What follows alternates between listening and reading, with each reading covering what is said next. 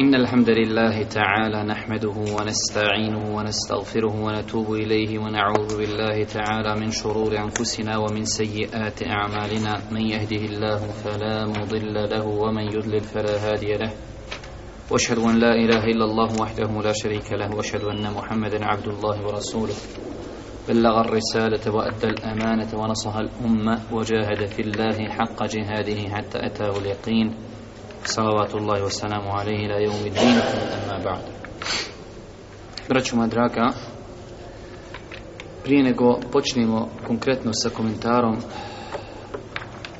večerašnjih poglavlja želim da napomenem samo nekoliko napomena prva napomena jeste velik broj vas ne zapisuje što je svakako onaj veliki problem insan ko insan, naročito u današnjem vremenu, vremenu gurbeta, gurbetluka, vremenu grijeha, vremenu pritisaka, vremenu recesije i razno raznih drugih problema, materijalno, fizičko, psihički, zaboravlja. Tako da ne treba pisati sve što se kaže, ali treba, braću moja draga, imati neki defter, neku svesku gdje će čovjek ako ništa zapisati najbitnije stvari, naslove, podnaslove, neke podjele, savjete. Jedna stvar. Druga stvar koju želim spomenuti jeste primjetno je, ali se da ljudi kada dođu na džumu namaz, danas smo imali džumu namaz, ne trude se da dođu u prvi saf. Iako kada dođu u nas može doći 10 do 1 komutno mjesta ima u prvom safu. Zato što se ljudi redaju ovdje po zidovima kako bi mogli bolje pratiti. Znači, žalosno je što čovjek kad se okrini i pogleda gore na spratu ima ljudi koje vidi možda i po dersovima ili tamo ili vamo, a još mjesta u prvom safu ima. Znači, definitivno to je greška. Znači, treba, braću moja draga, da se natječimo u ranom dolasku na džumu, a nakon toga da se natječimo uklanja u tome je da klanjamo u prvom safu. I treća stvar, kada se uči ezan, drugi ezan na džumi namazu, onaj ko dođe u džamiju, bolje je, ne kažemo da je obaveza, već je bolje da odmah klanja. Primjetno je da određen broj braći, pošto mi kasnimo, dolazimo zadnji, onaj, i onda oni kao, ne znam otkud im to, vjerovatno su možda odnekli čuli, praktikuju kao sunnet, slušaju ezan i onda nakon toga kad imam počne hudbu, oni klanjaju dva rekiata. To je ona, kak se zove, Đuređova analogija. Braću moja draga, ponavljati za Mojezinom je sunnet, slušat hudbu je vađib. Znači daje se prednost vađibu nad sunnetom u smislu čovjek dok dođe ako uči ezan, klanjat će dva rekeata i znači, zato što je u tom momentu ponavljati za Mojezinom sunnet, a nakon toga onaj slušati hudbu je vađib. Prioritetnije je u tom momentu da da prednost da klanja, da ne ponavlja za Mojezinom kako bi mogao ispuniti vađib. A ako bi došao na prvi jezan tada će tako postupiti. I ako čovjek dođe u džamiju, nije klinio tehijetul mesčid, dući ezan, tada čovjek nima smetnje da sačekam da ponavlja za muezinom kako bi u dva se da ponavlja za muezinom, nakon toga da klanja tehitul mešćid. A ako dođe na drugi jezan, nakon kojeg po, direktno počinje hutba, onda je, braćo moja draga, propisano, kao što je to potvrdio šeh Usemin i mnogi drugi učenjaci današnjeg doba u svojim fetvama, da čovjek koji dođe na drugi ezan, da će odmah klanjati tehitul mešćid kako bi mogao, ako Bog da, posvijetiti pažnju poslije hutbi. Večeras nakon što smo govorili o dobročinstvu prema roditeljima, Imam Buharija rahmetullahi alihi počinje s jednim interesantnim poglavljem i kaže čuvanje rodbinskih veza je obaveza. Počinje govoriti o rodbinskim vezama. Zašto i kako? Jednostavno, braću moja draga, nakon što je pojasnio najveće pravo stvorenja ljudi koji nas okružuju, a to su naši roditelji, Imam Buharija se spušta na jedan, hajde kažemo, niži stepen od svega toga, a to je onaj edeb ponašanje prema onima koji su ispod roditelja, a to je svakako naša rodbina. praću moja draga, ovo poglavlje svakako, kao i ono prije njega, ukazuje na potpunosti savršenstvo vjere Islama. Vidjeli ste kakve dokaze smo spominjali, citirali u pogledu dobročinstva prema roditeljima, s druge strane i kako se žestoko prijeti onima koji su nepokorni svojim roditeljima. Isto tako ćete vidjeti, iako nažalost morat ćemo opet priznati, ali pošto smo konstatirali na onim prvim predavanjima da smo mi još poluproizvodi, oni fosne, koje treba još obrađivati, nema smetni, polako, ako Bog da obrađivat ćemo prvo predavača, njega prvo na drebang, a nakon toga svi za njim u red. Znači, vidjet ćete vi koliko smo mi daleko od istinskog prakticiranja Islama kad večeras počnemo govoriti o obilasku rodbine, vrijednosti obilaska rodbine s jedne strane, a s druge strane sljedeći petak kad nam mrak padne na oči, kada vidimo da je zapostavljanje rodbinskih veza kebira, veliki grijeh, kao što spominje imam El fehebi uzmite onu knjižicu, već je drugi put preporučujemo veliki grijesi. Pa pročitajte malo veliki grijeh, pa ćete vidjeti tamo 43 broj, onaj veliki grijeh, kidanje rodbinskih reza. Tako da onaj, kako se zove, znači, ovo poglavlje je svakako pokazatelj savršenstva Islama, koji na sve moguće načine, normalno, onaj, kako se zove, stvari koji su dozvoljene, onaj, jača jedno društvo. Jer pogledajte danas zapadno društvo, pa i muslimansko, zato što muslimani su, znači, ništa drugo, znači, svojim vanštinom ništa drugo do zapad. Pogledajte raštrkanost Pogledajte samo malo u historiju, nemojte ići daleko, 30 godina vidjet ćete naše didove, upitajte, upitajte svoga babu, to je poznato bilo, ide se u to selo kod rođaka na konak, ostaje se dva, tri dana, obilazi se rodbina. Kada ste danas čuli da je neko nekome otišao na konak? I kad mu ode jadnik, on njemu upali televiziju i gledaju svjetsko prvenstvo i sad vremena sjede, šute, kad završi utakmica, on kaže, e, tala te nagradio, posidili smo, jesmo, brate, vidjeli smo Ronalda, Rivalda i hajmo kući. Mogu ga on tako isto kod kuće vidjeti. Znači, prvo živimo u vremenu kada se ljudi odaljili, odaljili od ovog velikog islamskog principa i načela. Živimo, znači, u vremenu kada je gotovo više historija i, braćo moja draga, čuvanje, onaj kako se zove, tih rodbinskih veza. Svakako kažem, vjera Islam to nije ostavila nedefinisanim, vi ćete koliku pažnju koliku pažnju Islam posvećuje rodbinskim vezama zbog koristi koja proizilazi iz toga. Jer rekli smo mi definitivno uvijek ćemo ponavljati sve što vjera naređuje, iz toga proizilazi korist na Dunjaluku sa svim prosperitetima. A sve što je vjera zabranila, u činjenju toga je nazadnost na dunjaluku sa kaznom koja slijedi na ahiretu. Tu zapamte pravilo koliko god da oslaviš sutra, počneš hodati po kafićima, počneš ovo, počneš ono, znaj da je tako. Znači, braću moja draga, sve što je vjera naredila, znajte da iza toga stoji korist dunjalučka, a nakon toga ćemo, ako Bog da vidjeti, se vape na ahiretu. Također,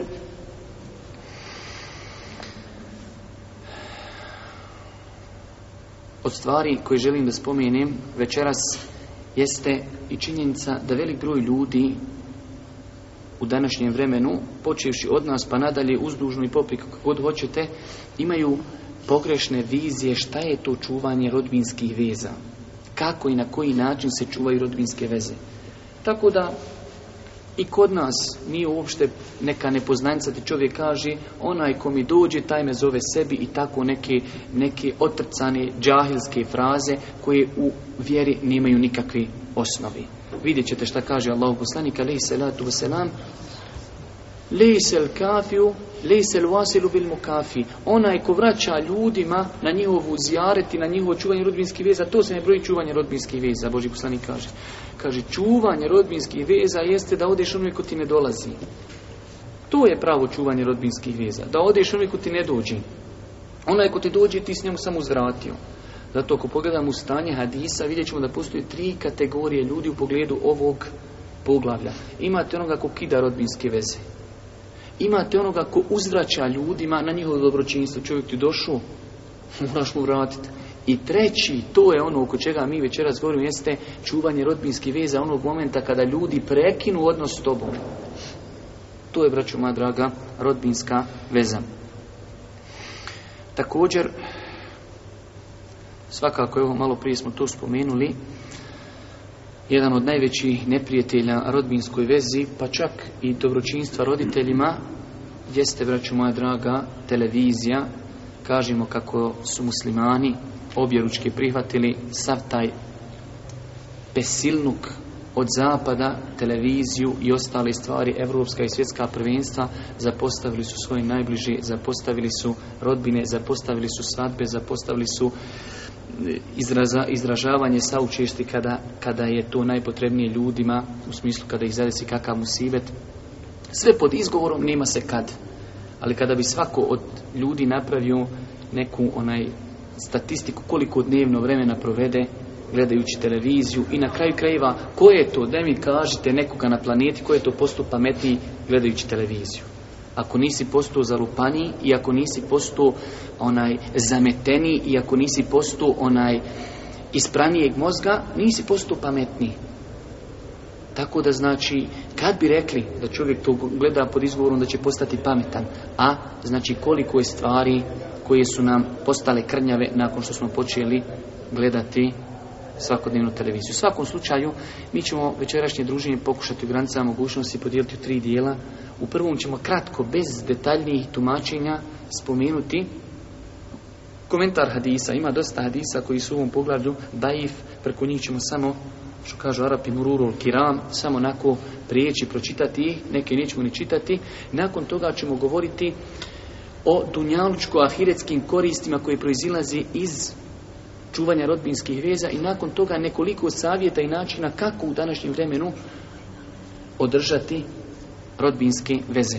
Imam Buhari, rahmetullahi alihi, počinje sa poglavljem gdje kaže čuvanje rodbinskih veza je obaveza.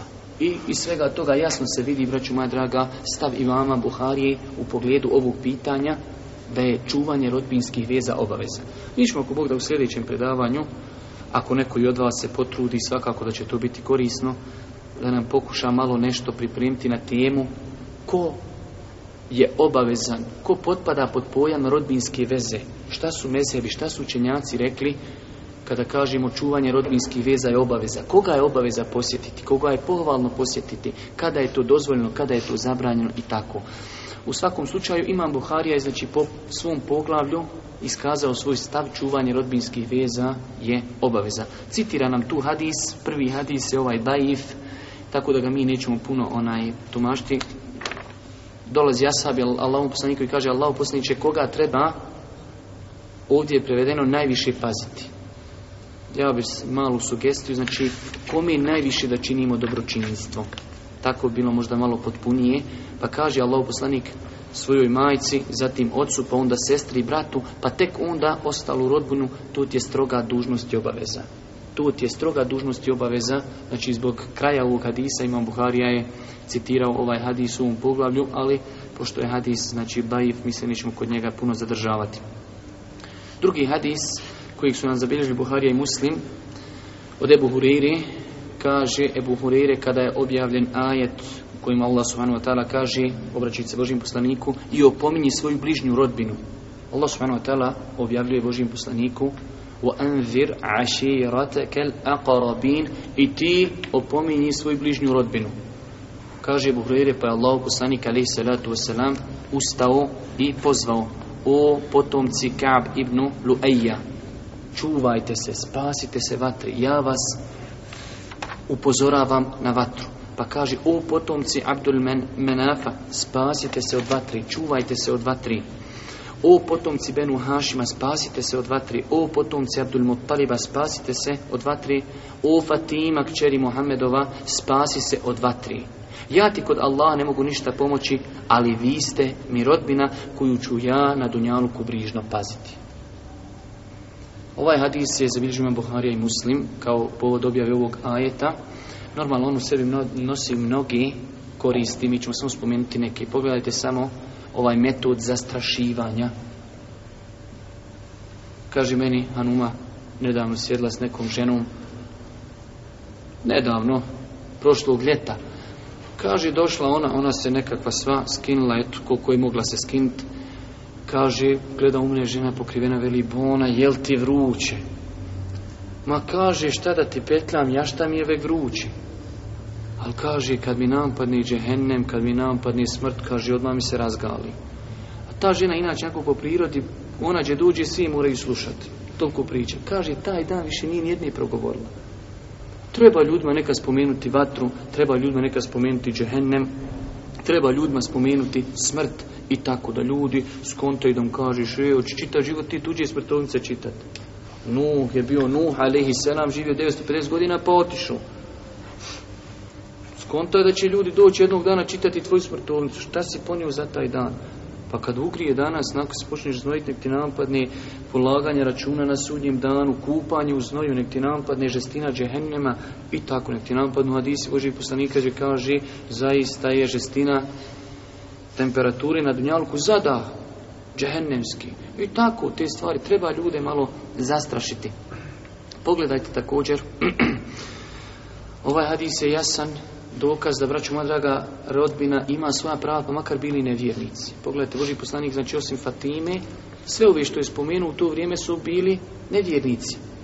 Ali im kaže na kraju, ja vam ne mogu ništa pomoći kod Allaha, ali vi imate svoja prava rodbinska koja ću ja održavati. Pa zamislite onda, vraćamo moja draga, kako i na kojem stepenu i nivou su prava ljudi koji su muslimani. Ko Allah poslani kaže svojoj rodbini, vi imate prava, ja ću ih čuvati i paziti. Znači, također ovaj hadis je jasan, braću moja draga, da najveća i jedina razlika kod ljudi prema Allahu jeste njihovo vjerovanje, njihova akida, njihova bogobojaznost inne ekramekum inda Allahi etkakum zaista su kod Allaha najbolji oni koji ga, se, najviše boji. To što je neko Amidža Božijem poslaniku, to što je neko iz Saudijske Arabije, neko ovda, neko onda, neko babom u parlamentarac, nečiji predsjednik, to ništa ne pije vodi. Kod Allaha pije vodi samo vjerovanje, akida, bogobojaznost, pokornost. To je ono po čemu se ljudi razlikuju. Nakon toga Imam Buharija sljedećem poglavlju koji je naslovio održavanje rodbinskih veza citira hadis e, e, od Ebu Ejuba Lensarija u ovom ovdje kontekstu skraćeno, ovaj hadis ima u drugim verzijama mi ćemo ga, ko Bog da poslije spominjeti, ali sad ćemo kratko kaže Ebu, Eju, Eju, Ebu i Lensari jedan beduin se ispriječio ispred vjerovjesnika ali i wasalam i reče ima znači vjerodostojan rivaj da je Boži poslanik bio na putovanju, putovao je pa je došao Beduin, stao pred njegovu devu i uzeo njegovu devu. Znači prvo da zaustavi čitavu kolonu. I kaže, reci mi šta će me približiti džennetu, a udaljiti od vatri. Pogledajte kako su te bili jednostavni, bez filozofije, bez ikakvog filozofiranja, jel mekruh, je haram, jel hoću u džennet, kako najbliže da odem u džennet i kako najdalje da se odalim od džehennema. Bez filozofiranja. Kaže Allah poslanik da obožavaš Allaha i da mu nikoga ne smatraš ravnim, da obavljaš namaz, udjeljuješ zekat, čuvaš otpinske veze. Ima znači, ovo je hadis ovakav, imate vjerodostojnu predaju, da je taj čovjek kada je izustio Božih poslanika, kaže Allah će reci mi o dijelu koji će me približiti džennetu udaljiti u džehennema. Kaže Allah poslanika sahabima, jer je to putovanje. Kaže, e ova je pogodio, zaista dobro pitanje postavio. Kaže mu, da još jednom ponovi. I to treba da bude metoda ljudi koji podučavaju djecu kada neko dođe sa dobrim pitanjem, prvo da pohvali pitanje, nakon toga da ponovi još jednom pitanje kako bi se to pitanje urezalo u sjećanje ljudi. Nakon toga dolazi odgovor, kaže Allah poslanik kada mu pitao kako da odim u džene, da se odaljem od vatre, kaže obožavaj Allaha, obavljaj namaz, daj zekijat, obilazi rodbinu i peta stvar je pusti mi devu da nastavim put. Znači, ovaj hadis nosi u sebi svakako velike pedagoško-fikske, akaidske koristi. Nemamo vremena da ih onaj citiramo, pedagoške koristi vidjeli se znači da je jedan od metoda da čovjek treba određeno pitanje nekada da se postavi ponovo, da se pohvali onaj koji je postavio dobro pitanje. Jer nekada ćemo možda govoriti o tome, nekada je mudrost da čovjek ako u društvu ako je u društvu u kojem ljudi ne znaju određenu stvar, mudrost je da neko postavi pitanje, makar zna odgovor na to kako bi određeni alim, učenjak, šejih, daja pojasnio određen propis. Čovjek dođe i pravi se kao da ne zna, kaže, bil nam mogli pojasniti propis toga i toga. Zna da je u tom društvu to propi, ona je prošireno kako bi se ljudi okoristili. Postavljanje pitanja, znači u islamu je velika stvar. Također vidimo ovdje veličinu i bitnost vjerovanja akideta, tauhida, da je to najbitnija stvar u islamu, da Boži poslanik počinje od toga. Ali isto tako, nama zekijat i nakon toga rodbinske veze. Pogledajte na koliki stepen ovdje Allahu, poslaniku, u vjerodostojnom hadisu ali muslima uzdiži rodbinsku vezu.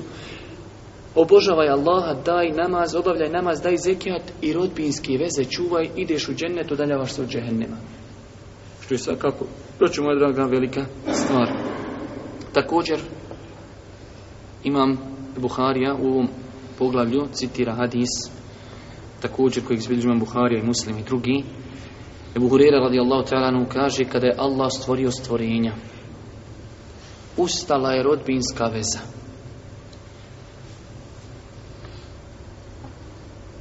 Pa Allah subhanahu kaže meh. Zašto si ustala? Neki ljudi ovdje dolaze sa nekim nejasnoćima. Prva stvar, kako rodbinska veza da ustane? Druga stvar, kako da Allah priča sa rodbinskom vezom. To je, braću moja draga, sve filozofija.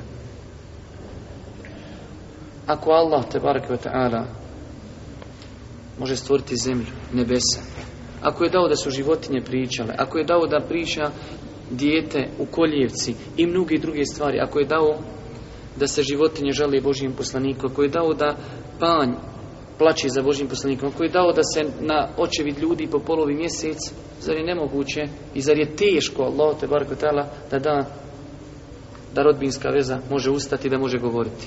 I ovaj govor između Allah te bar i rodbinske veze je stvarni govor. Tu je, braću draga, stavehli sunnete val džemata, da je to stvarni govor. Pa kaže Allah na rodbinskoj vezi, meh, Šta je? Što si ustala? Allah subhanahu tela stvorio stvorenja i ustaje rodbinska veza. Kaže, zašto ustaješ? Kaže, samo tražim da nas zaštitiš od kidanja. Tražim tvoju zaštitu i pomoć od onih koji nas budu kidali, koji budu kidali rodbinsku vezu. Pa kaže uzvišeni Allah, biste li bile ili rodbinska veza jedina bili bila zadovoljna da ja pazim onoga ko vas bude pazio u smislu u rodinsku vezu, da li ste zadovoljni da ja čuvam onoga ko vas čuva i da ne pazim ili da zanemarim onoga ko zanemari rodbinske veze, pa je rodbinska veza kazala da, pa kaže uzvišen Allah, e pa tako će i biti. Pogledajte, pogledajte ove stvari. Allah subhanahu wa ta'ala razgovara sa rodbinskom vezom i kaže, jesi li zadovoljno, je li dovoljno to da ću ja biti sa onim ko bude čuvao rodbinsku vezu, ja ću njega čuvati. Isti glagol je korišten, zato ćemo ovdje naći večeras na par mjesta, po meni neispravan prijevod. Ovo se mora bukvalno prevesti, nikako drugačiji. Allah Žešanu kaže isti glagol, kao što mi kažemo čuvanje rodbinskih veza, Allah je koristio isti glagol. Zar nisi kaj zadovoljna da ja čuvam onoga ko čuva rodbinsku vezu? I zar nisi zadovoljna da ja presjećem vrpcu i osjećem i odbacim onoga ko odbacuje i ne čuva rodbinsku vezu? I ovdje vidimo jedno veliko pravilo, možda ako nas Allah počesti nekad, da u njemu govorimo duže i naširoko, u velikom broju slučajeva islamu je nagrada, braću moja draga, srodna dijelu koji čovjek uradi. Pazi, pogledajte ovdje, Allah kaže, zar nisi zadovoljna da čuvam onoga ko čuva tebe, zar nisi zadovoljna da ja ostavim onoga ko tebe ostavi. U mnogo dijela u islamu, ono kako čovjek uradi drugima, tako uzvišeni Allah subhanahu wa ta'ala uzvraća i njemu. Znači, ovaj hadis nam bez imalo onaj sumnje ukazuje na veliko mjesto rodbinske vezi u islamu. Nakon toga, predaje od Ibn Abbasa u kojoj komentariše ovaj ajet, ova predaja nije e, vjerodostojna i dugačka je tako da je nećemo čitati. Oni koji imaju knjigu mogu zabilježiti da je predaja Bajiv. E, znači ovdje u knjizi redni broj 51 ova predaja je Daif i nećemo se kod njih zadržavati. Nakon toga Imam Buhari rahmetullahi alihi nakon što je pojasnio svoj stav da je čuvanje rodbinske veze obaveza, dolazi sa primjerima nekima, mi ćemo to večeras malo detaljnije spominjati, koristi čuvanja rodbinske veze. Jer insan koji insan želi da zna koristi Dunjaločko, ahiretski iz određenog ibadeta kako bi to ako Bog da učvrstilo njegov jakin i ubjeđenje i dalo mu satisfakciju moral da nastavi to činiti. Pa citira Imam Buharija rahmetullahi alihi hadis koji je također zavižio imam muslim, vjerodostojan, da je došao čovjek Allahu poslaniku, alihi salatu wasalam, kaže Allahu poslaniće, imam rodbinu s kojim ja državam odnose, znači ja čuvam rodbinske veze s njima, ali ih oni kidaju, znači oni sa mnom ne čuvaju rodbinske veze. Dolazi čovjek Božijem poslaniku, u silu, u i kaže Allahu poslaniće, ja imam rodbinu, ja njih pazim, čuvam, oni mene ne pazi, ne čuvaju. Pa pogledajte dalje što kaže. ja sam prema njima dobar, oni su prema meni loši. Pogledajte ovdje, kaže وَيَجْهَلُونَ alije Od džehl, od neznanja. Ponašaju se prema meni kao džahili, kao neznance. Ja prema njima dobar. I na kraju kaže vrijeđaju me, a ja to sve trpim. Tri stvari. Ja pazim na njih, oni mene ne pazi. Oni me vrijeđaju, ja njih ne vrijeđam. Ja se strpim na onome što oni kažu. Pa kaže Allah poslanik Ali Salatu sam, ako je tako, ako je tako, tako kažeš, to je onda kao da ti njih hraniš, ovdje piše, u njih trpaš žeravice. I sve dok se prema njima budeš tako odnosio, imat ćeš protiv njih pomagača izravno od Allaha. Sve dok budeš tako, imat ćeš od Allaha izravno pomagača. Prva stvar, pogledajte kako odgovara Boži poslanik. Ako je tako kako si rekao, ja ne znam da li je tako, ako je tako, onda je odgovor ovakav.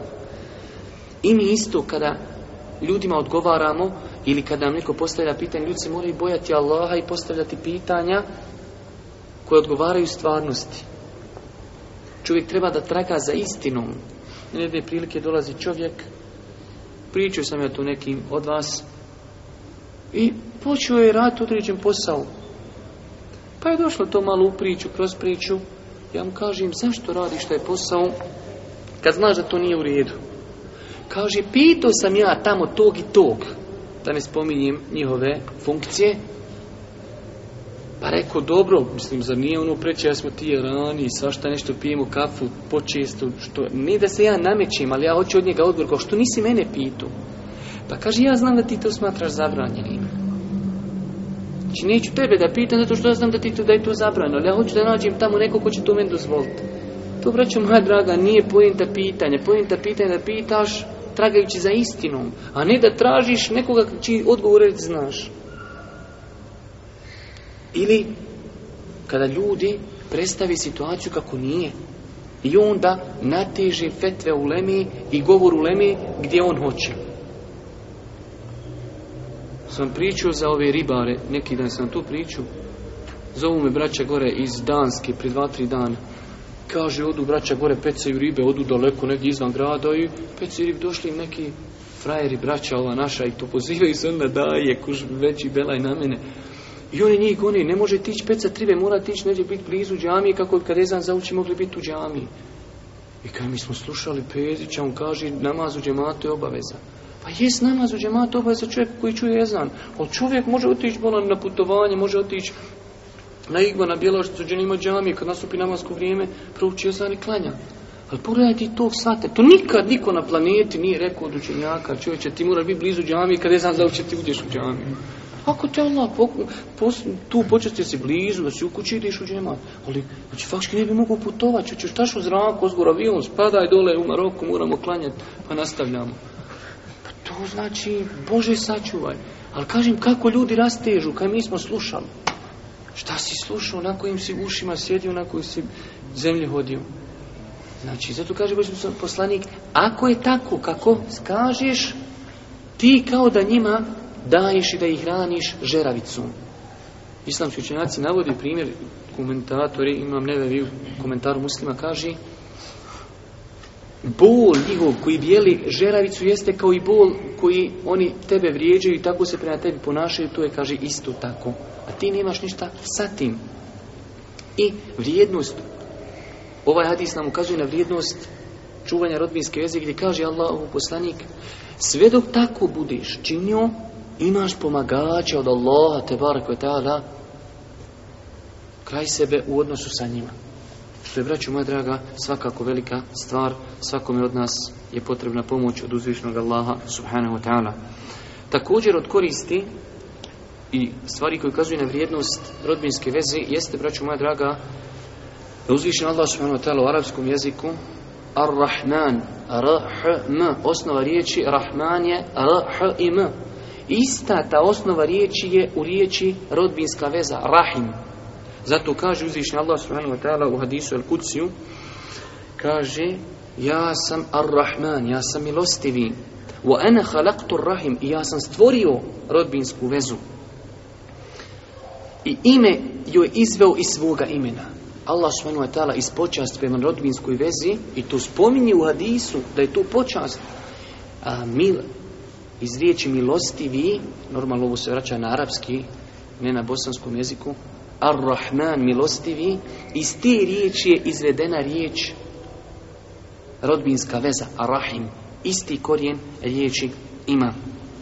Pa kaže Allah, poslan, eh, Allah u ovom hadisu al evo ovdje je znači po meni neispravno prevedeno. Zato ću svoju milošću obasuti one koji budu čuvali. Kakva milost? Otkud milost? Otkud ovaj komentar?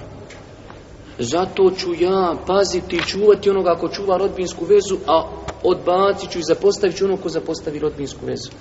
Nema potrebe da se prevodi tevilom i tumačenjem, osim da prevedemo bukvalno, braću draga, nema potrebe. Nakon toga, ima Buharija, postavlja, znači imamo 54. Eh, hadis koji je identičan ovom gdje Allah subhanahu ovaj, Boži poslanik obavještava da je riječ rodbinska veza izvedenica iz riječi Ar-Rahman milostivi, što je svakako veliki onaj velika čast za rodbinsku vezu i na kraju kaže Allah poslanik rodbinska veza će na sudnjem danu imati britak i brz jezik kojim će govoriti. Nakon toga Imam Buharija nam dolazi sa poglavljem čuvanje rodbinskih veza produžuje život. Počinje sa koristima koji proizilaze dunjalučke koristi od čuvanja rodbinske veze, kaže Allah poslanik alaih salatu wasalam, dva hadisa. Ko želi da mu se na faka poveća i život produži neka čuva rodbinske veze, hadis je vjerodostojan. Ko želi da mu se poveća na faka i produži život, neka pazi rodbinsku vezu. Ima li neko da ne želi ove dvije stvari? Da mu se ne poveća imetak i da mu se ne produži život. Vidiš tamo dida 130 godina i jedva ide i kažeš dide jelde primaklo se. Šta je se primaklo? A je, moj, kako primaklo? nije se primaklo, ništa se nije primaklo, osim smrt. Ali on to ne vidi. Znači, ljudi hoće da duže žive. To je u prirodi insana. I ljudi vole bogatstvo. I to je u prirodi insana. Pa Boži poslanik im preporučuje, evo, hoćete te dvije stvari, evo metod. Čuvajte rodbinsku vezu. Sada će neko doći možda i postaviti pitanje, pa dobro, zar nije na faka propisana kada je čovjek bio u utrobi svoje majke? Zar nije propisan čovjek kada će umrijeti još dok bio u utrobi svoje majke? Zar to nije u leuhi mahfuzu zapisan? Jeste, braćuma draga, i tu nema nikakve kolizije ali imate odredbu koja je zapisana, imate nešto što je uvjetno postavljeno. Tako da, znači, nema uopšte smetnje, kao što kažu islamski učenjaci, da Allah subhanahu kaže, ovaj rok će živjeti 65 godina ako ne bude čuvar rodbinske veze. Ako bude čuvar rodbinske veze, živjet će 67 godina, a Allah je znao, hoće li on izabrati i čuva, pa će biti 67, ili će ih kidati, pa će biti 65. I to je upisano. To je upisano u Leuhi El Mahfuzu.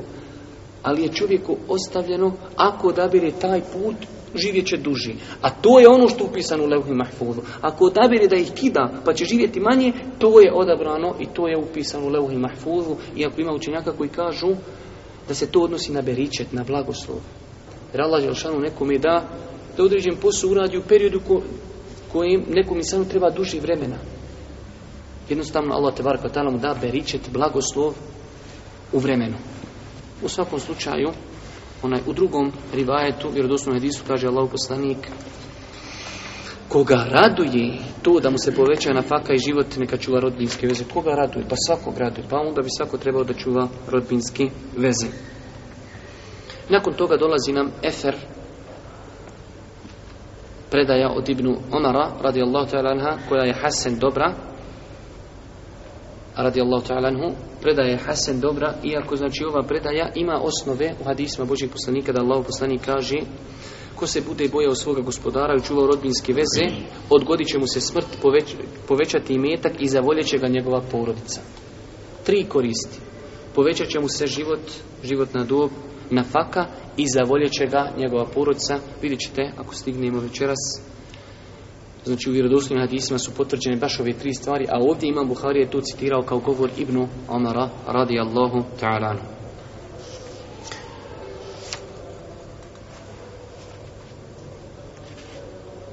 Zadnja stvar koju ćemo večeras spomenuti jeste hadis koji je citirao um, Imam Buhari u ovom poglavlju, da Allah poslanik ali salatu salam kaže Allah vas obavezuje lijepim opođenjem prema vašim majkama opet vas obvezuju lijepim ponašanjem prema vašim majkama, zatim prema vašim očevima, a zatim daljnjom rodbinom. Fel, el akrabu fel akrab. Sve ono što je bliži, sve je prioritetnije. Znači ovaj hadis također vjerodostojan ukazuje na mjesto rodbinske vezi u islamu. Nakon toga 60 broj hadisa 60 nije vjerodostan, zato ga nećemo ni spominjati. Broj 61 je daif, nećemo ga spominjati. Broj 62 također daif, nećemo ga spominjati. U nastavku, braću moja draga, pokušat ćemo, koliko nam je ostalo vremena? Pa, tamo. Imamo, braću moja draga, na kraju nekoliko savjeta kako u današnjem vremenu opstati, očuvati rodbinske veze. Normalno mi ćemo ako da sljedeći petak, kako nas Allah poživi, govoriti o nekim problemima koje mi imamo u današnjem dobu. Pokušat ćemo naći odgovore islamskih učenjaka na neka pitanja. Ali ovo su neki opći savjeti kako ustrajati učinjenje dobročinstva prema rodbini. Prva stvar definitivno, najjednostavnija i najbolja, jeste, vraću moja draga, da čovjek razmišlja o pozitivnostima koje proizilazi iz čuvanja rodbinske veze. Jer insan koji insan, kada zna za određenu stvar da iz toga proizilazi korist, onda jednostavno mu je lakše da ustraje u tome. Isto tako da razmišlja o grijehu koji proizilazi iz kidanja rodbinske veza, ali o tome ćemo, ako Bog da rekli smo sljedeći petak i ogovorit ćemo možda kroz 20 savjeta šta najviše uzrokuje da ljudi kidaju rodbinske veze. To ako Bog da sljedeći petak. Govorit ćemo o hadisima, poglavlju kidanja rodbinskih veza, hadisi kojima Allah poslanik govori o veličini tog grija i govorit ćemo zašto ljudi u velikom broju slučajeva u današnjem vremenu najčešće kidaju rodbinske veze. Večeras govorimo kako ustrajati, pošto smo spomenuli vrijednosti, kako čovjek da ustraji. Evo ja sam se malo potrudio, pokušao da pronađem ne sve to je nemoguće, ali velik broj hadisa iz koji ćemo mi vidjeti kolika nagrada očekuje i koliko veliko mjesto u islamu ima rodbinska veza, toga bi se Isa trebao da presjeti i to će mu dati satisfakciju svakako da ustraje. To je ono što bi vi trebali da zapišete. Ali, nadat se inša Allah, da ima ovdje još oni koji sliče imam šafi, da će to zapamtiti. Mi ćemo to samo citirati. Prva stvar jeste, vidjeli ste da čuvanje rodbinskih veza povećaje na faku i produžuje život. Kad ne bi bilo više nikakve koristi osim ovi, mi bi trebali danonoćno da kucamo na vrata naše rodbine, da ih obilazimo. Prvenstveno znajući da je tu ibadet, jer braću moja draga, čuvati rodbinsku vezu je ibadet, a nakon toga ti dolazi još i koristi dunjalučki što je svakako velika stvar.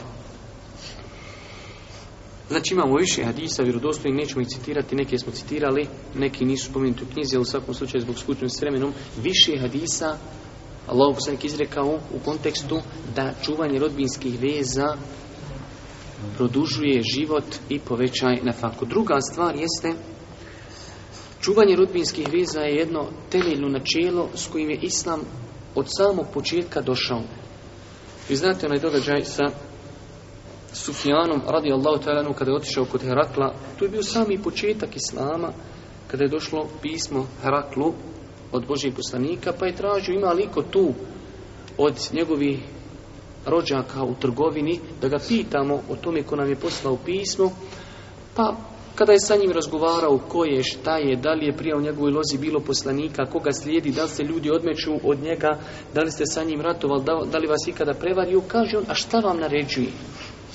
Kaže, naređuje nam da obožajemo Allaha subhanahu wa ta'ala.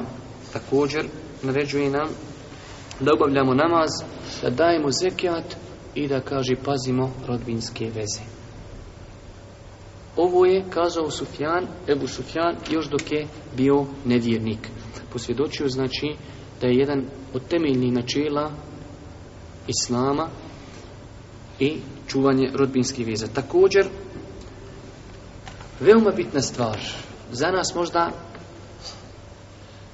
Nismo je uspjeli primijetiti, ali možda će nam ovo biti odgovor na neka pitanja koja postavljam u sebi svakodnevno. To je Allah te barek vetara neće poniziti insana koji čuva rodbinsku vezu. Kakve to sad veze ima? Ima. Znate onaj događaj koji je zabilježen redostojnim hadijskim zbirkama kada Allah poslanik bio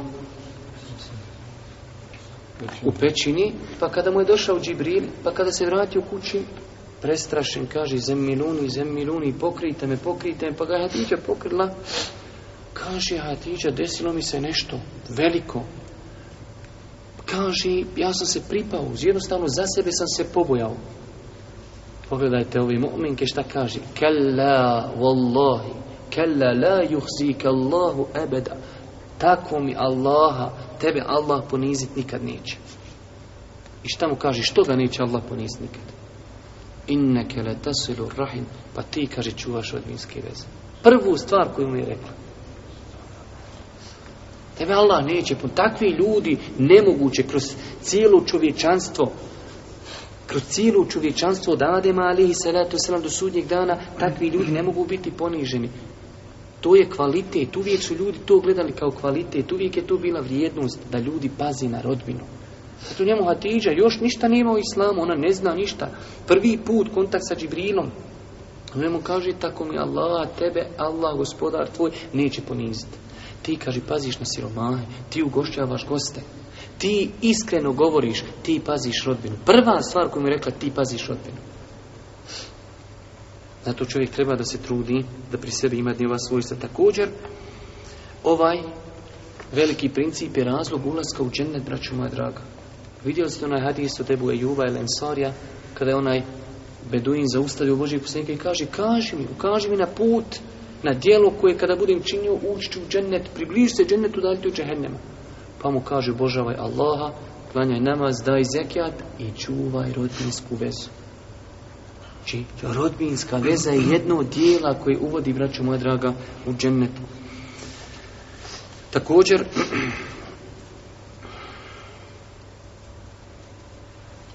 od vrijednosti rodbinske veze jeste da je to jedno od najdražih tijela Allah. subhanahu U vjerodostojnom hadisu je došlo da je došao čovjek Allahu poslaniku i kaže Allahu poslanić, koje je dijelo najdraži Allahu? Kaže Allahu poslanik alaihi salatu el imanu billahi da vjeruješ u Allah. subhanahu To je najdraži Allahu dijelo. Kaže, a nakon toga imali smo na početku prvi hadis sličan ovome ali ovdje je druga stvar. Kaže, šta je nakon toga? Kaže, najdraži dijelo nakon toga Allahu, nakon vjerovanja jeste čuvanje rodbinskih veza. Kaže, a šta nakon toga naređivanje na dobro odvraćanje od zla? Kaže, a koje je najprezrenije dijelo kod Allaha? Šta najviše mrzi? Širk. Šta nakon toga? Kidanje rodbinskih veza. Sve sporedno, jeste vidjeli? Najbolje dijelo ibadet Allahu, iman. najgori širk. Drugo najbolje, druga stvar, najbolje djelo čuvanje rodbinskih viza, a najmrži djelo drugo, kidanje rodbinskih viza. Kaže, šta mu je treći najmrži? Kaže, da se naređuje na zlo, a odvraća od dobra. Također od koristi koji proizilazi iz dobročinjstva e, rodbini jeste, vraću moja draga, da je to u jednu ruku garant i štit od kazni Sjetite se onoga vjerodoslovnog radisma kojeg smo citirali tada u, poglavlju dobročinstva roditeljima, a oni u osnovi u ovom poglavlju, da kaže Allah poslanik, ne postoji ni jedan grijeh za koji preči da budu njegovi počinjuci kažnjeni na dunjalku sa svim onim čime im se prijeti na ahiretu od zuluma nepravdi i kidanja rodbinskih veza. Ovaj hadis, šta si ti trebao dečak? Tahira. Evo. Eto ga, vrat. Pa vidim ja nešto. Znači, vraću, moja draga, kaže Allah poslanik, dva dijela jeste od kojih koja su najprioritetna da se njihovi počinjuci kazni na dunjaluku sa svime što im se prijeti na hiretu jeste zulum i kidanje rodbinskih veza Allah, eh, Imam Buhari je ovaj hadis Allahog poslanika citirao u poglavlju roditelja. I mi smo spomenuli zašto? Zato ako je ova prijetnja za onoga ko kida rodbinske veze, onda se ova prijetnja prioritetnije odnosi na onoga ko kida veze sa svojim roditeljima. Također,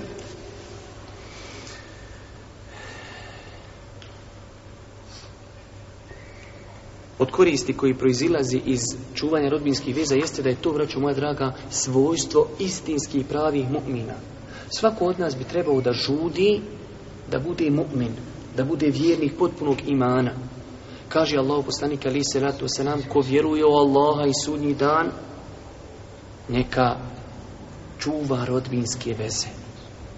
Imate još oni rivajeta, neka pazi rodbin, neka e, ugosti gosta, neka govori dobro ili neka šuti, ali jedan rivajet jeste ko vjeruje u Allaha i sudnji dan, neka čuva rodbinske veze. Što znači onaj ko ne čuva rodbinske veze, nek postavi sebi upitnik da li on istinski potpuno vjeruje Allaha i sudnji dan. Jer Boži poslani kaže, onaj ko vjeruje, ne čini tako. Onaj ko ne čini tako, upitnik. Također,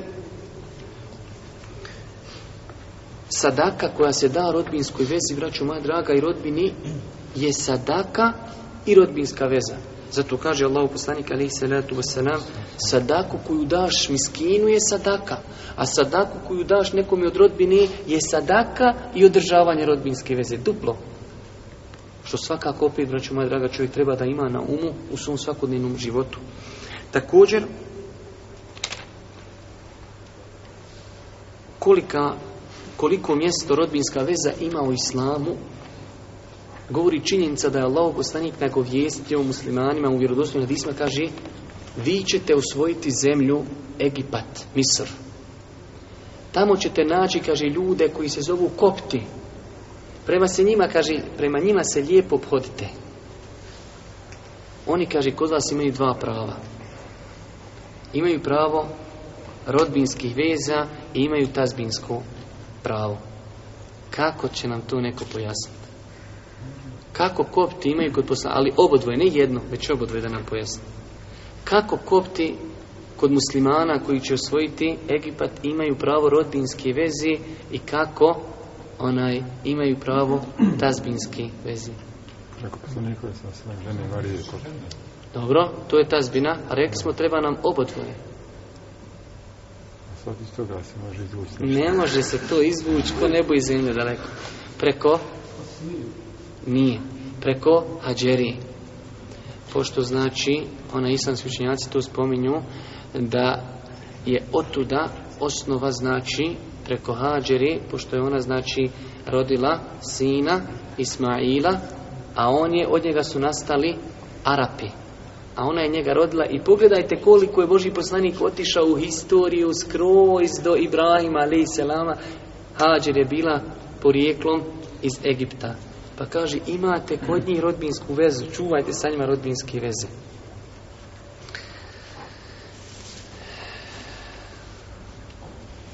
Najbolja sadaka također koja se da nekom je sadaka koja se da bližnjima kada je došla supruga Božjih poslanika ali salatu wasalam imuna i kaže imala sam roba, robinju Božih poslanika pa sam je oslobodila. Kaže Allah poslanik da si je dala svojoj rodbini imala veću nagradu. Znači nije spuno što si oslobodila, ali da si ona ju samo oslobodila. Kaže da si je dala, da je dala svojoj rodbini imala bi veću nagradu.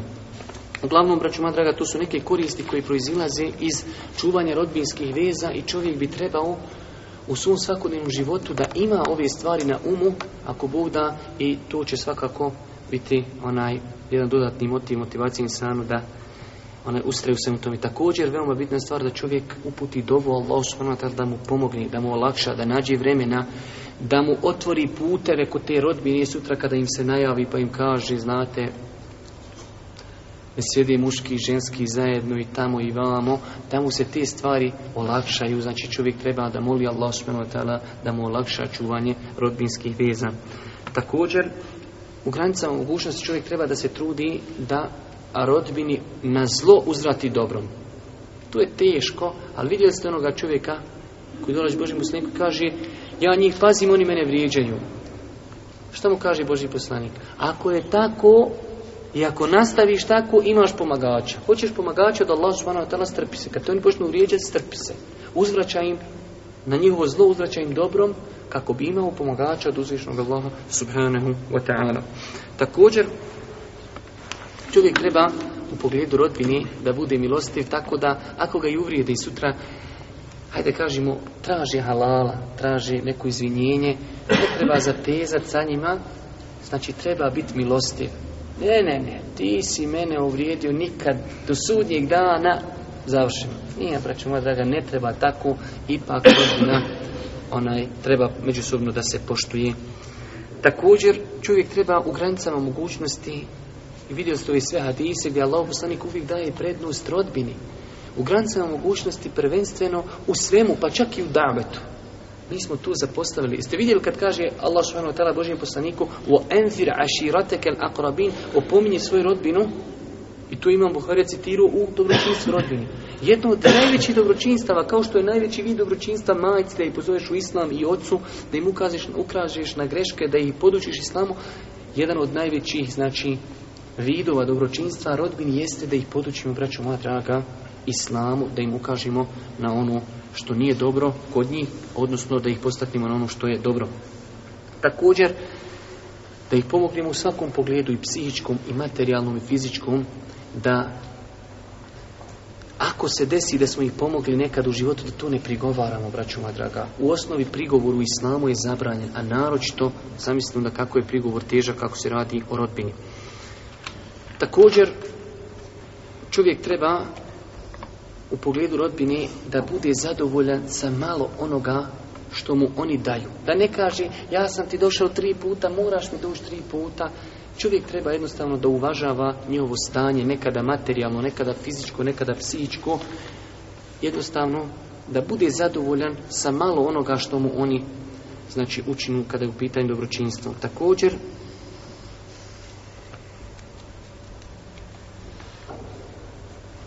čovjek treba kada su u pitanju kada je u pitanju rodbina da pazi na njih tako što neće pretjerano se šaliti sa njima. Nekada nam se dešava da ljudi, znači, ajde, ovo je ako ovo je rodbina, možemo sa njima, ja sam dosta puta govorio kroz ta neka izlaganja, da mi muslimani prvenstveno kao braće i muslimani moramo paziti na kodeks ponašanja, prvenstveno međusobno kodeks ponašanja u govoru, pa nakon toga i kodeks ponašanja i u šali, to što je neko rođak ne znači da treba sa njim neprestano brisati patos. Također, treba u granicama mogućnosti izbjegavati rasprave. Braću moja draga, najveći najveća dava, ako već ideš kod ti rođaka da ih pozoveš je to što im odeš. To je dovoljna dava. I nemoj misliti ako nisi nešto plaho rekao u islamu da nisi postigo ništa. Tvoja pojava, tvoj dolazak, tvoje zvanje, tvoje, tvoja pažnja prema njima je davet. Jer oni imaju možda kao ti u rodbini desetine drugih koji nikad nisu došli, koji nikad nisu nazvali. A ti dolaziš. I ljudi razumiju, ljudi nisu budale. Nije uvjet da samo dok tuđiš da odmah moraš ovu je haram, skidaj slike, bacaj radio, lomi kasete, gasi, pali, udri, mujo, tarabe. Znači nije to uvjet da ti kažeš moram se odjednom. Znači braću moja draga, davet je vjerujte da odeš. Da pokažeš tim ljudima, da paziš na njih, da misliš na njih, da oni vrijede i kod tebe to je davet, vjerujte da je davet. I ne treba, ja znam, ja odmah smo se posvatili što vako, što nako, mora li duhan, mora li ovako, ne može nako, Znači, da su to makar rasprave i, i, svađe oko nekih velikih stvari, da su to rasprave oko širka, oko kufra, su rasprave u velikom broju slučajeva oko nekih stvarčica koji su sitniji od toga. Također, čovjek treba u granicama mogućnosti da pripazi svoju rodbinu tako što će ih onaj s vremena na vrijeme u granicama mogućnosti iznenati određenim poklonom. Vjerujte, braćo moja draga, znači samo čovjek bitno da razmišlja o tome. Da pošalješ CD, da pošalješ neku brošurcu, da pošalješ neki letak, pa da pošalješ nekad nešto, znači i materijalno, možda nešto novca ili neku hediju, keks ili neki slatki, znači, ali jednostavno u onom momentu kad se oni ne nade, ako si možda negdje u gradu vidio nekog kočići tamo u neki drugi grad, pošalješ, ništa ne zoveš, samo on donese, oni poslije zovu, mašal, Allah te nagradio, iznenadio se nas, zar se nas je sjetio i tako. I to je, braću moja draga, dava i to je svakako ono što nam treba. Također, čovjek treba da se odazove i vi ćemo, govorit ćemo kada budemo sljedeći pita govorili, jedan od razloga kidanja rodbinskih veza jeste neodazivanje rodbini na, poziv njihov kada te pozovu ili da ne pozoveš svoju rodbinu. Čovjek se ženi, čovjek ovu, čovjek onu napravi u kuću, pravi neke tamo akike, i kurbane, zove neke svoje pajdaše, nema Amiđe, nema, nema šta ja znam, e, Amidžića, nema ovog, nema onog, i sutra se to čuje, dolazili su mu neki njegovi, Bog zna otkrili su s drugog kontinenta, zapostavio rodbinu. Što je svakako, braću moja draga, već, znači, jedan dobar rez na njihovom srcu. Što znači, čovjek treba da pazi na rodbinu. A kika pozovi svoju rodbinu, ženitba pozovi svoju rodbinu. Slavlje, uselio si u kuću, položio si, kupio si auto ili šta ja znam, bilo koji druga, diplomirao na fakultetu, dobio zapošljenje, prvenstveno prvo pažnja rodbini. Jer zamislite kako bi tu padalo u tebi, razumiješ, znači neki rođak, tamo neka fešta, sve nešto, svi su pozvani, tebe nema tu nigdje. Treba da ti bude iman podebel dobro, pa ti kažeš, pa, hajde, vjerovatno me zaboravio.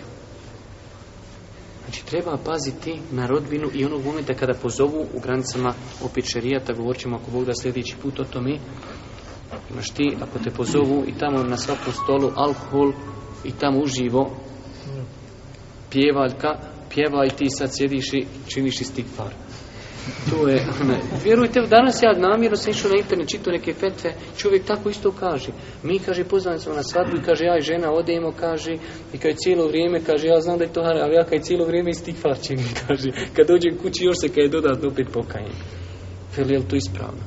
Nije ispravno, razumiješ, znači čovjek ako zna da ima tu harama, jasni harama, neće se odazvati takvom pozivu ali onaj, kako se zove, imaju situacije kada čovjek možda može neke stvari i uticat.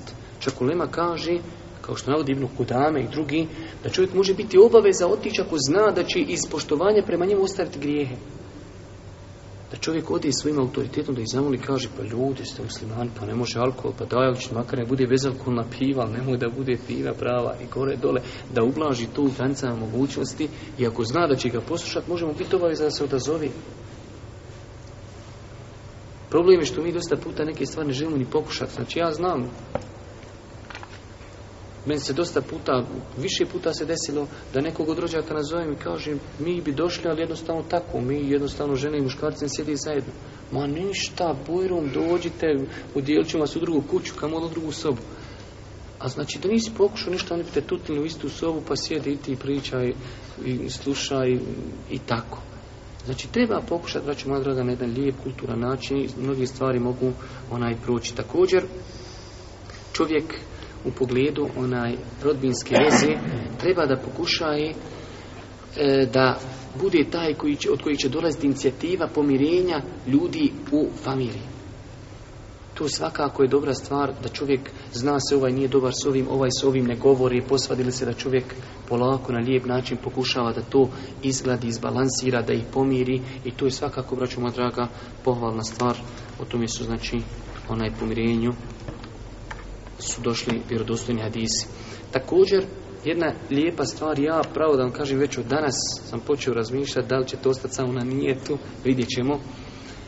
Ali lijepo je da čovjek da inicijativu svojoj rodbini da se napravi stablo njihove porodice To je, vjerujte, lijepa stvar. Šta mislite da čovjek napravi stablo unazad možda nekih stotinu godina ili koliko već može i da napiše oni koji su preselili i oni koji sada živi i primjer radi, ja već o tom imam neku viziju u glavi ko je živ, gdje živi, kontakt adresa i možda zanimanje. Možda imaš nekog bolan u familiji, radi ti gore u pasošima, tebi treba pasoš, ti nemaš pojma da ti je tu familija. Ti tam pročitaš, ovaj radi mupu, izdaj pasoše, onaj broj ukucaš, rođak, pa gdje si, evo i tako. Znači, da se napravi tu neku stablo, da se napravi neki adresar, adresa stanovanja, broj telefona, e-mail i eventualno znači možda onaj posao koji čovjek trenutno radi. Pa čovjek možda ako je negdje tamo daleko vidiš, of, vidi mašal ovoga ima čerka 16, 18, 25 godina ovog tamo nekog daleko ili ako je to kod nas ubosni rat ali ako su neko 66. koljeno pa da možda se i uzmu, nađu se neki i tako, hele mislim u svakom slučaju, znači, možda nije loše, braću moja draga, da dođe inicijativa, onaj kako se zove, o pravljenju tih nekih porodičnih stabala, gdje bi se napisalo, znači, ime, prijezme čovjeka, kada je rođen, koji je preselio, kada je preselio i tako. Svakako, onaj, mislim da bi to, vidjet ćete, Allah poslani kaže, ta'allemu min ensabikum, podučite se, podučite se vašim, onaj, vašoj lozi, podučite se, da bi znali, kaže, čuvati rodbinske veze, poduči se, Nažalost, živimo u vremenu kada, kada ljudi samo možda znaju prvo ili drugo koljeno, znači zna tetku i zna tetića i nakon toga više dalje ne zna ništa. Što je veliki problem, braćo moja draga. Također, čovjek, to je zadnja stvar koju ćemo spomenuti večeras, jedna od metoda očuvanja rodbinskih veza jeste i konsultovanje sa rodbinom. Normalno opet po onim uvjetima koji smo spominjali prija, da čovjek se konsultuje sa svojim rođacima, želi možda određen posao ili ovo ili ono, da dođe kod određenih rođaka koji su kompetentni da savjet, da, da traži savjet. svakako će to, vraću moja draga, ujediniti njihova srca, ojačati njihove veze, jer rekli smo, prije smo govorili o tome da takve stvari svakako ostavljaju velikog traga na ljudsko srce. Na kraju, vraću moja draga, Molim Allah subhanahu wa ta'ala da ono što smo čuli bude korisno za nas. Molim Allah subhanahu wa da nam olakša prakticiranje Islama. Molim Allah subhanahu da nam učini milim čuvanje rodbinskih veza. Molim Allah subhanahu da nas učesti na putu istine, da nam bude milostan na sudnjem danu i na kraju subhanika Allahumma bihamdike šedam la ilaha ila ente stagfiruke wa etubu ilaika.